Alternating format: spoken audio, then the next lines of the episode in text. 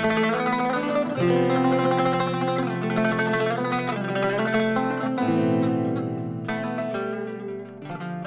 جبران هل فرشت العشب ليلا وتلحفت الفضا زاهدا فيما سيأتي ناسيا ما قد مضى. معكم أنس يوسف في بقعة ضوء.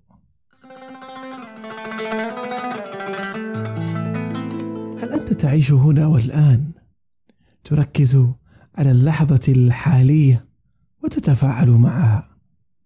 أم أنك مجرد جسد في الحاضر؟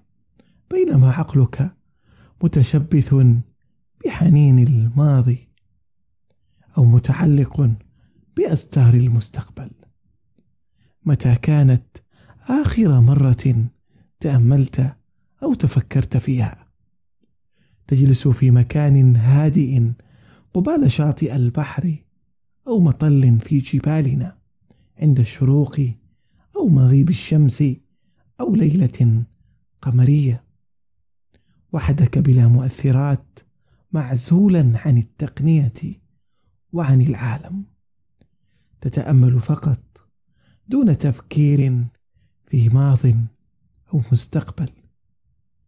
تغوص في أعماق روحك وتكتشف الجوهر المخبأ بداخلك. تستحضر نفسك مكتشفا ذاتك كما فعل قدوتك صلى الله عليه وسلم في شبابه في الغار.